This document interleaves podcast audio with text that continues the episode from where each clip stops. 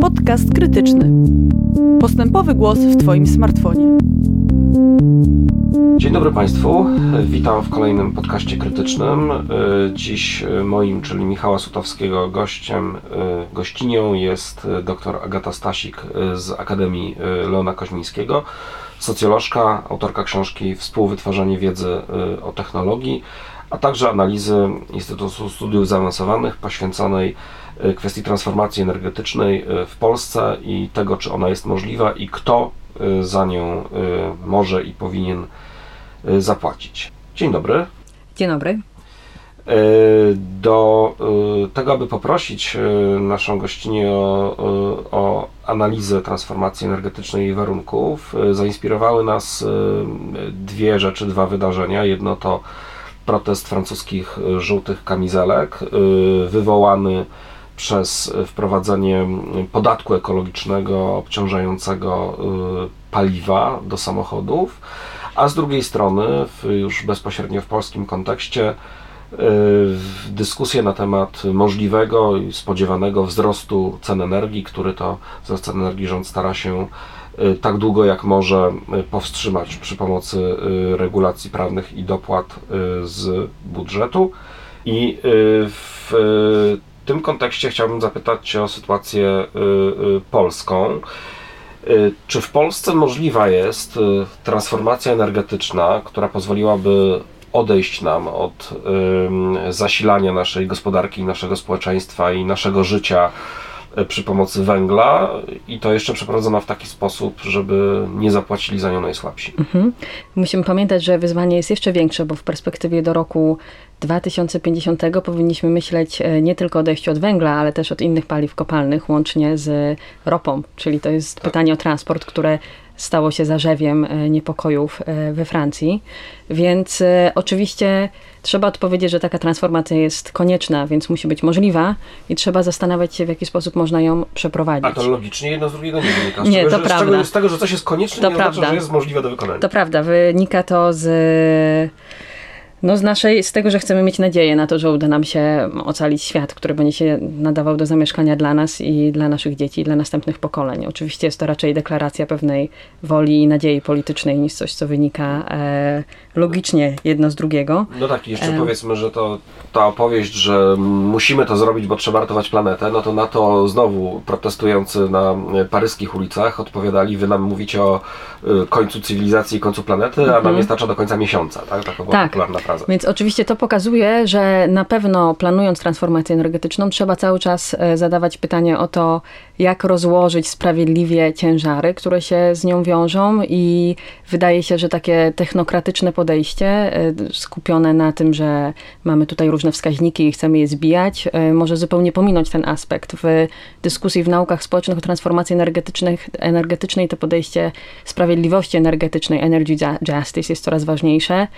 Oczywiście pytanie, w jaki sposób e, przełoży się ono na działania polityczne. Na pewno ruchy społeczne, które podkreślają, że transformacja ma być nie tylko właśnie efektywna w takim, e, takim powiedzmy technokratycznym sensie, ale też ma przynieść pewną pożądaną zmianę społeczną, będą, są tą siłą, która stara się wprowadzić te wątki do dyskursu.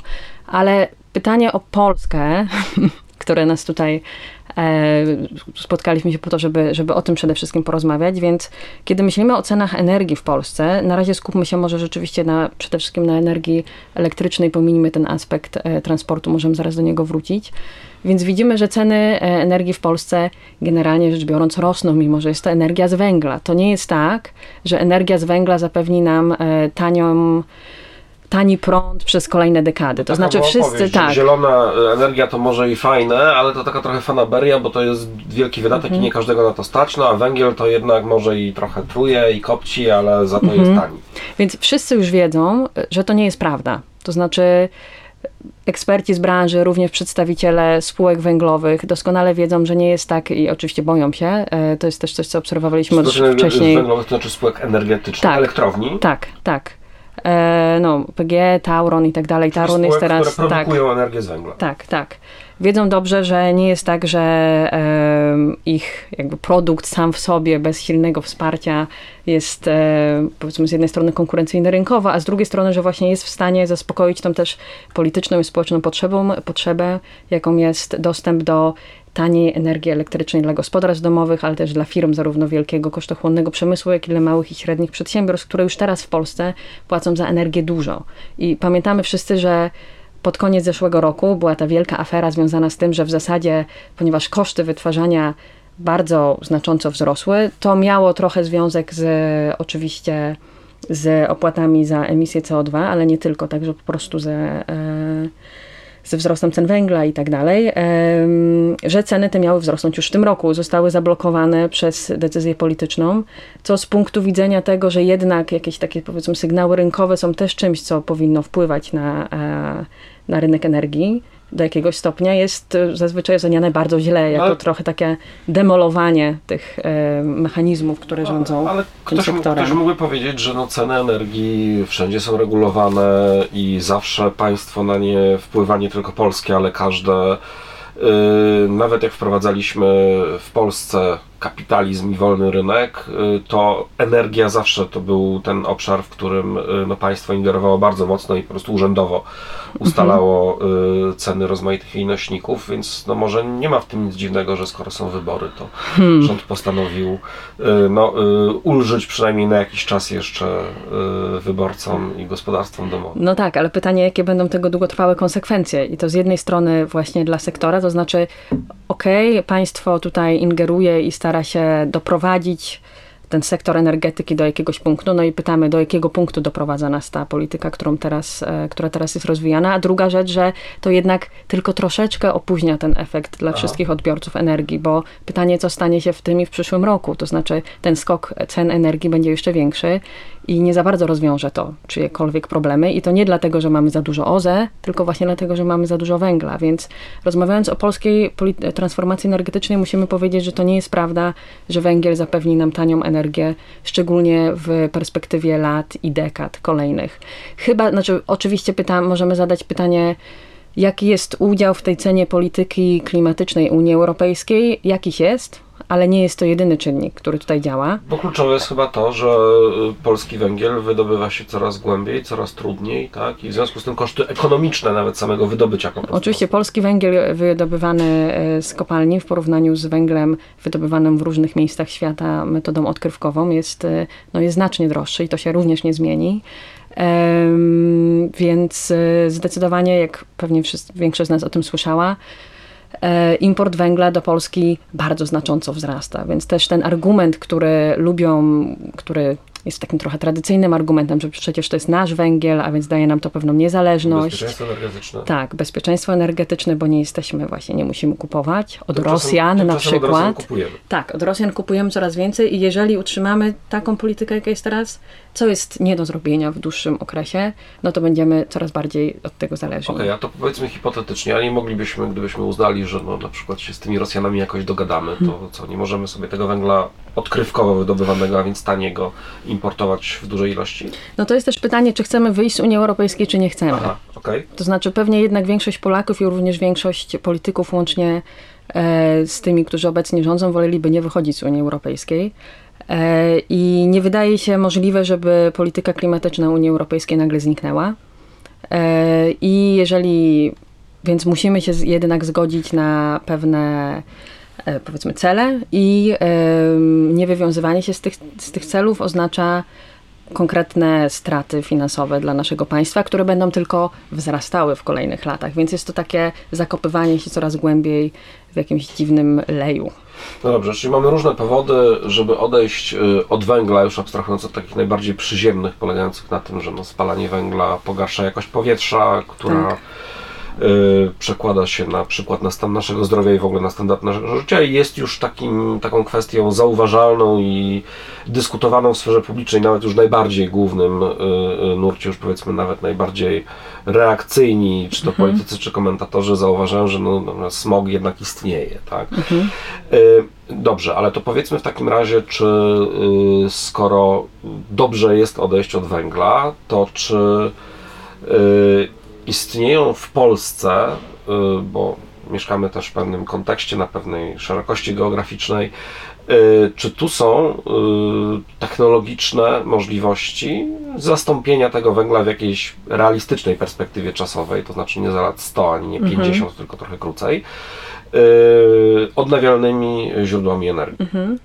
Więc tak, na pewno i to jest kolejny powód, dla którego wiele osób uważa, że, to znaczy nawet jeżeli z jakiegoś dziwnego powodu uważamy, że klimat to nie jest nasze zmartwienie i to nie jest nasz problem, można argumentować w ten sposób, że wejście w rozwój OZE to jest też sposób na to, żeby zdobyć nowe kompetencje technologiczne i po prostu wejść na wielki rynek, który będzie się rozwijał w kolejnych dekadach bardzo intensywnie czyli, i trochę... czyli żebyśmy na przykład produkowali turbiny wiatrowe albo tak. wiatraki, albo panele fotowoltaiczne, tak. a nie kupowali je od producentów chińskich, duńskich, niemieckich. Tak, ale także rozwija, ponieważ oczywiście cały ten proces inwestycyjny jest złożony i oprócz tego, że nawet jeżeli by tak było, że coś tam przywieziemy z Chin, no to jednak całe mnóstwo innych właśnie kompetencji, umiejętności i jakby usług wspomagających, e, także takich związanych z produkcją i tak dalej, to ciągle jeszcze będzie można tutaj wykonywać na miejscu i to jest ważne, żebyśmy to potrafili, a nie żebyśmy właśnie no, po prostu byli takim skansenem technologicznym. Więc takie budowanie potencjału technologicznego i gospodarczego też jest ważnym argumentem, który być może szczególnie osoby powiedzmy bardziej z prawej strony e, mógłby to być dla nich ważny argument, że powinniśmy w to wejść.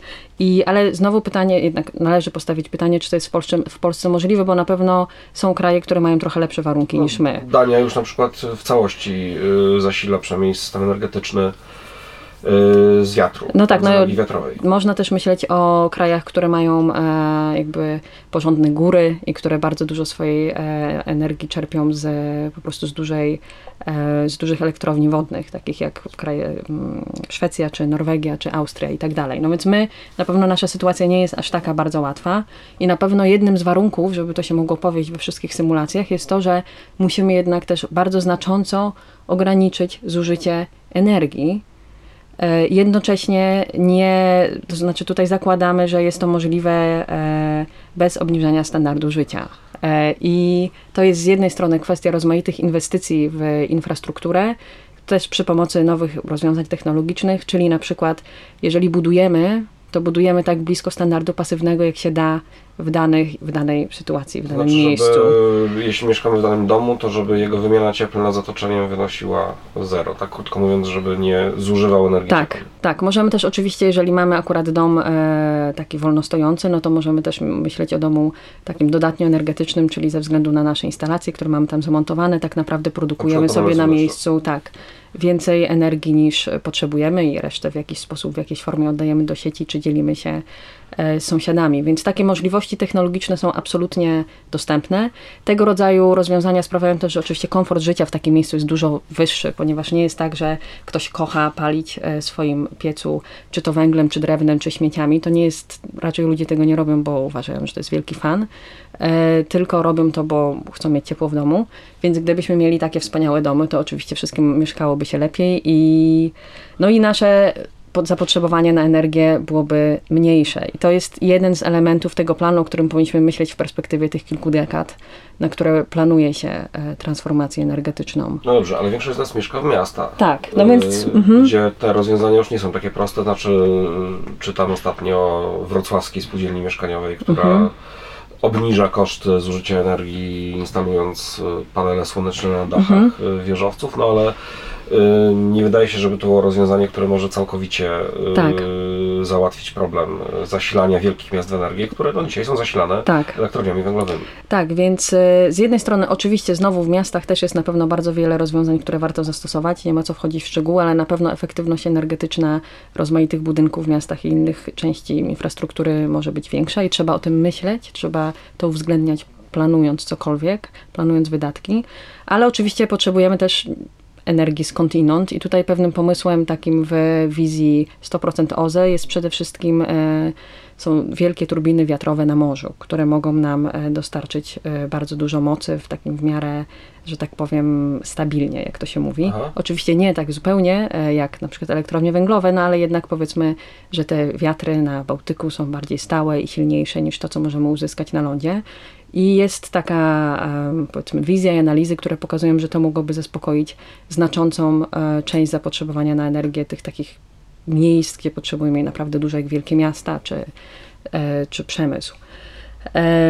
Jednak trzeba pamiętać, że jest to możliwe właśnie przy założeniu o zmniejszeniu jednak zapotrzebowania na energię za pomocą powiedzmy innowacji, ale też pewnie trochę za pomocą zmiany praktyk społecznych. A więc wracając do przykładu francuskiego, możemy zapytać, no cóż, możemy powiedzieć, że ludzie musieli dojeżdżać samochodami z jakiegoś miejsca do innego miejsca.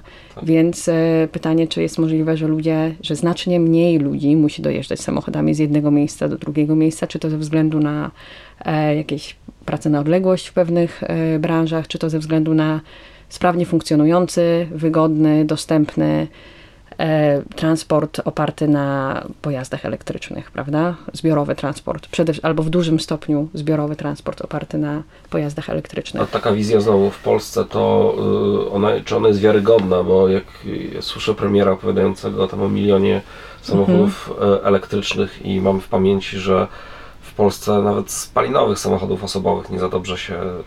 Yy, znaczy, nie, nie, nie byliśmy tutaj yy, w awangardzie technologicznej. Jeśli ktoś jechał polonezem, to wie, co mam na myśli. Yy, to yy, czy to są w ogóle wiarygodne plany, żeby po Polsce jeździł, żeby, żeby Polskę lokalną na przykład yy, zdominował transport elektryczny? To znaczy, jeżeli znowu, jeżeli myślimy o tej perspektywie do 2050 roku i zakładamy, że naprawdę chcemy zejść e, niemal zupełnie z używania paliw kopalnych, to oznacza znacznie większy udział e, energii elektrycznej w napędzaniu rozmaitych e, sfer życia, łącznie z transportem. Więc e, jeżeli chodzi o te cele, które tam premier Morawiecki wyznaczył na najbliższe lata związane z milionem samochodów elektrycznych, nie wydają mi się one realistyczne i chyba nikt ich nie traktuje poważnie, myślę, że łącznie z panem premierem. Ale w dłuższej perspektywie wydaje się, że zastąpienie samochodów spalinowych samochodami elektrycznymi jest no, jest elementem tego planu. Albo transportem publicznym. Tak, no pewnie, to znaczy pewnie jednak z założeniem, że jakby takie inne formy korzystania, znaczy znowu przerzucamy się bardziej na myślenie o usługach i dostępie, dostępie do usług transportowych. Ja chcę wygodnie przejechać z jednego miejsca do drugiego. Mogę to zrobić autobusem mniejszym lub większym. Mogę to zrobić wynajętym samochodem na 20 minut. Mogę to jeszcze w inny sposób zrobić. Może to być też mój samochód. Nie chcemy mówić, że absolutnie nikt nie powinien posiadać samochodu nigdy, ale pewnie udział takich prywatnych przejazdów e, powinien być mniejszy w tym planie. Też samochody elektryczne w tej wizji mają jakąś swoją funkcję jako takie powiedzmy domowe akumulatory energii którą sobie tam wytwarzamy w swoich własnych e, domach, szczególnie poza miastem.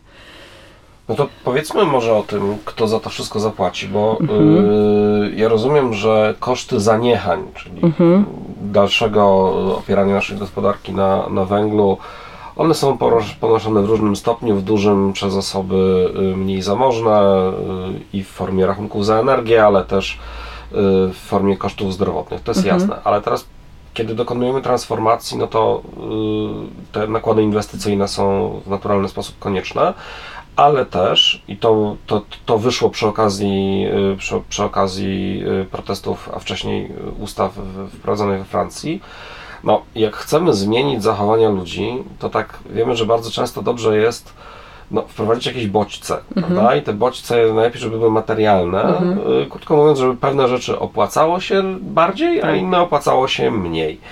No i teraz to znowu można tak fajnie zaprojektować, żeby, tam, yy, żeby na przykład jeżdżenie samochodem benzynowym albo na diesla bez zakazu było po prostu nieopłacalne, tylko że za to zapłacą ci, którzy no właśnie mhm. jeżdżą tymi dieslami, czyli mhm. raczej osoby niezamożne. Mhm. No i krótko mówiąc, czy ten cały proces przechodzenia na gospodarkę powęglową, czy da się go zorganizować, nie mówię w sposób bezbolesny, bo to się nigdy nie da, ale w taki, żeby to było minimalnie sprawiedliwe, to znaczy, żeby faktycznie najwięcej za to zapłacili nie ci, którzy, którzy już dziś mają mhm. największe kłopoty z związaniem końców, jak mawiał Forrest Gump. Myślę, że na pewno problem, bo tu mamy z jednej strony problem właśnie ubóstwa energetycznego, czyli tego, że um, z jednej strony właśnie chcemy traktować energię jak um, pewne, pewne dobro na rynku, a więc chcemy stosować takie impulsy cenowe po to, żeby ludzie na przykład pomyśleli, że może jednak nie warto Warto tej energii tak tyle zużywać i to dotyczy gospodarstw domowych, ale także firm mniejszych i większych, czyli żeby im się opłacało w jakimś tam cyklu kilkuletnim zainwestować w efektywność energetyczną właśnie, bo im się to zwróci w cenach energii.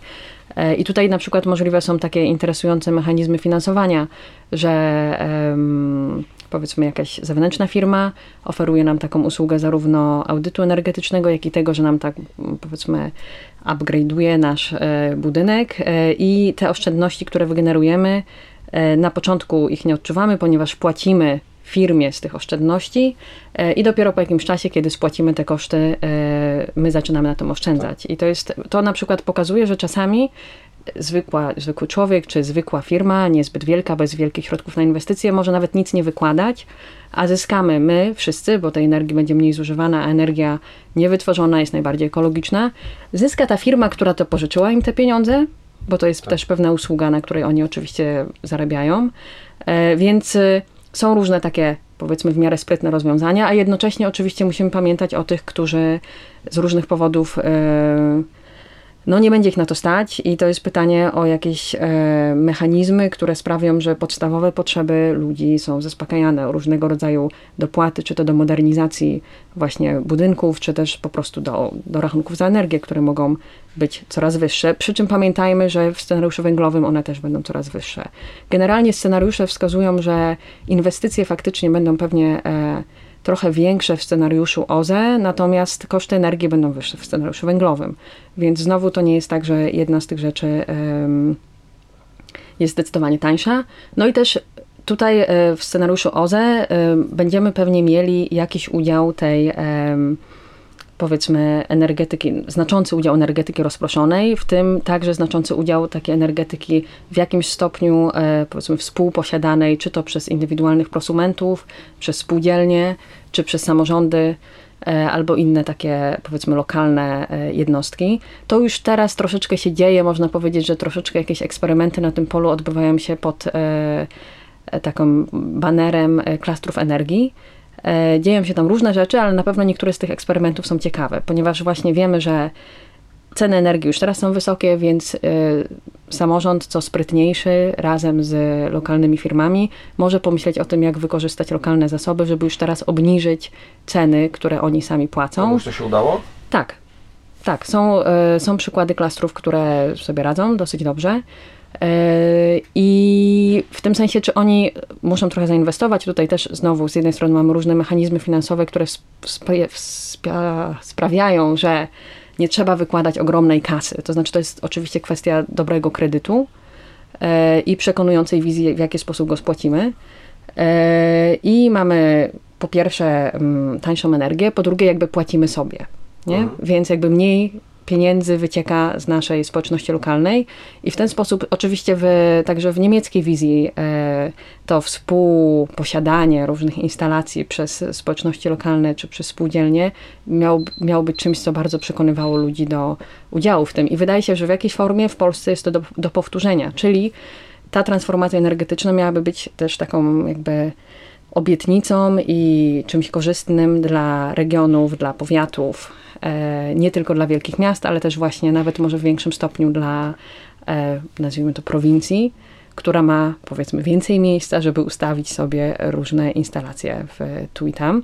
I wiemy też z różnych badań, że takie włączanie społeczności lokalnej w te inwestycje e, pomaga zapobiegać em, powiedzmy gwałtownym protestom społecznym, które często mają jakby nie, nie jest to po prostu protest przeciwko technologii jako takiej, że tu jakiś po prostu straszny metalowy potwór, ale przeciwko postrzeganej niesprawiedliwości, na przykład, że jednak jest to pewne obciążenie, e, nie wiadomo kto na tym korzysta, nikt nas nie pytał, Albo co my z tego mamy. Jeden wielki posiadacz Tak. tak. latyfu, latyfundysta Tak, lokalny. tak, tak. Więc e, taki model właśnie uczciwej współwłasności, gdzie może to być albo przez bezpośredni udział ludzi, na przykład przez spółdzielnie, ale też samorząd może tu grać tą rolę jako ktoś, kto jednak reprezentuje tą lokalną społeczność. E, To jest coś, co też e, trochę daje odpowiedź na pytanie, jak to sfinansować i dlaczego ludziom miałoby się to podobać. To zapytam jeszcze na koniec, y, czy nie jesteśmy w takiej, w Polsce w takiej specyficznej sytuacji, chyba odwrotnej, taką mam intuicję, niż, niż w wielu krajach zachodnich,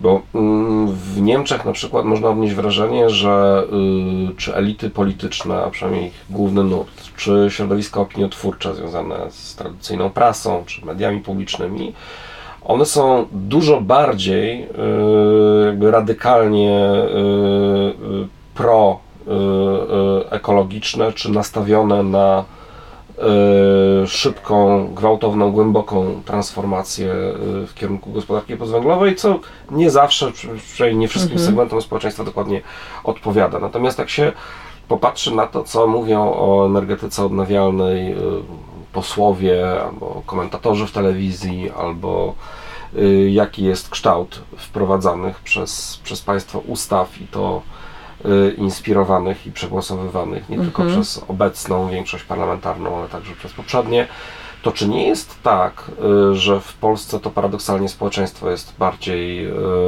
w awangardzie, tak bym powiedział, jeśli chodzi o, o zmiany powęglowe niż, niż, niż elita polityczna?